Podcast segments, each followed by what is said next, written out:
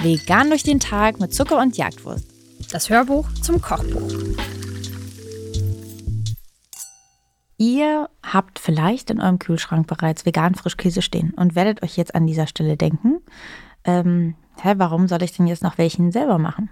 Und das stimmt natürlich allerdings, warum sollte ihr das? Gibt es zu kaufen. Da haben wir übrigens auch ganz abgesehen von diesem Rezept auf unserem Blog übrigens sogar auch einen veganen Frischkäse-Test.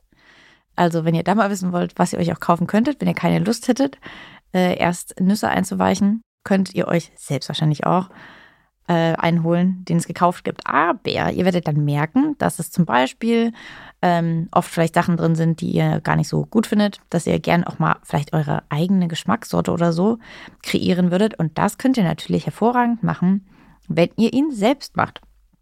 Dementsprechend ist das zwar hier eine Kräutervariante, aber die Basis auf Cashewnüssen und äh, Naturtofu, die ihr in diesem Rezept findet, könnt ihr natürlich komplett abändern. Ähm, wir können auch gleich mal wahrscheinlich drüber reden, was es vielleicht noch so für Ideen gibt, die man machen kann.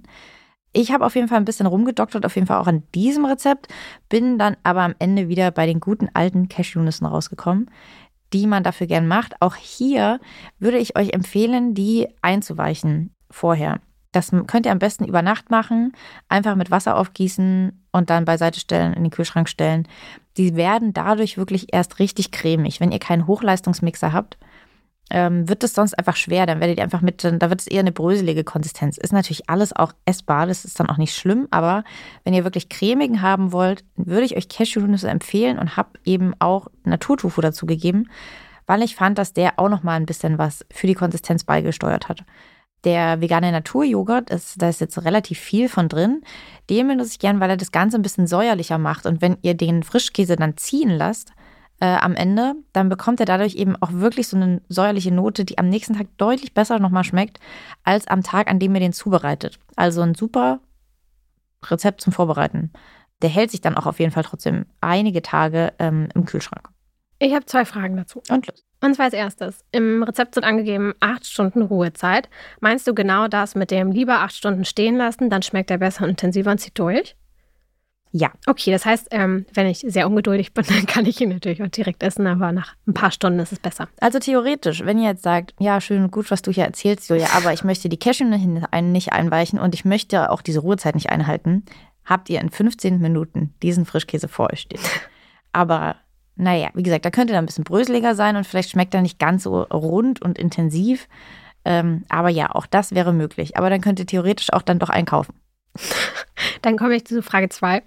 Ähm, was sind denn noch so andere Sorten, die ich ähm, mit dieser Basis machen könnte? Also wenn ich jetzt die Kräuter, die 30 Gramm frischen Kräuter hier aus dem Rezept streiche, ähm, wie könnte ich die denn noch anders verfeinern? Ich habe tatsächlich beim Testen ein paar Dinge probiert. Mhm. Ich bin jetzt am Ende bei der Kräutervariante gelandet, weil ich glaube. Das ist so ein bisschen der. Es ähm, ist die ähm, Basic Bitch unter den. Hm, ja. Wow. Kann man, okay, Crowd ist ein bisschen angenehmer. Und ich liebe es auch. Ich greife auch ja. tendenziell zuerst zu Kräutern. Mhm. Und vor Kräutern greife ich noch zu Gartenkräutern. Ich weiß nicht warum, aber das gibt mir richtig gute Vibes. Das klingt ein bisschen wie ähm, 10 Cent nochmal raufgepackt, einfach nur für, für absolut keinen Unterschied. Aber hast du nicht auch das Gefühl, das Gartenkräuter klingt einfach nochmal schöner und frischer eine als Kräuter? Werbelüge. Ja, ja, aber ich lieb's. Irgendwie ist es so. ich sehe mich dann im Garten, wie ich die pflücke und reingetan. Naja, auf jeden Fall. Ihr könntet auch Gartenkräuter benutzen, das möchte ich sagen. Ich habe auch zum Beispiel probiert Meerrettich. Mögen manche. Ich Hast du nicht frischen ganz so. Meerrettich reingegeben? Ich habe tatsächlich welchen aus dem Glas bekommen. Mhm. Ähm, könntet aber natürlich auch frischen reingeben. Wer sowas mag, man könnte auch so ein bisschen Tomatenmark zum Beispiel reingeben, wenn man möchte. Ich habe eine Variante, eine crazy Variante auch mal gemacht, wo ich, ähm, ich wollte erst Relish reinmachen, Gurkenrelish, mhm. mhm. hatte dann keinen mehr zu Hause und habe so ein bisschen Zwiebelchen und Gewürzgurken reingemacht. War mhm. aber irgendwie auch ganz interessant. Knoblauch natürlich sowieso. Den könntet ihr aber auch im Ofen erstmal so ein bisschen mit Alufolie umwickeln, das in der ganzen Knolle packt da ein bisschen Öl drauf, Salz, Pfeffer, packt das eben in so eine Folie, ab in den Ofen. Und wenn ihr den dann nach, keine Ahnung, einer halben, dreiviertel Stunde rausnehmt, dann ist der so richtig geil geröstet und dadurch verliert er auch total dieses derbe Knoblauch. Der wird dann Aroma. ganz süß. Der ist so lecker.